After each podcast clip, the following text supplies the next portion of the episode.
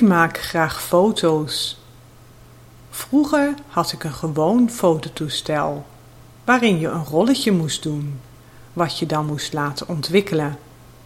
Er zaten dan 24 of 36 foto's op een rolletje. Als de foto's niet leuk waren, had je pech. Je moest toch het ontwikkelen en afdrukken betalen.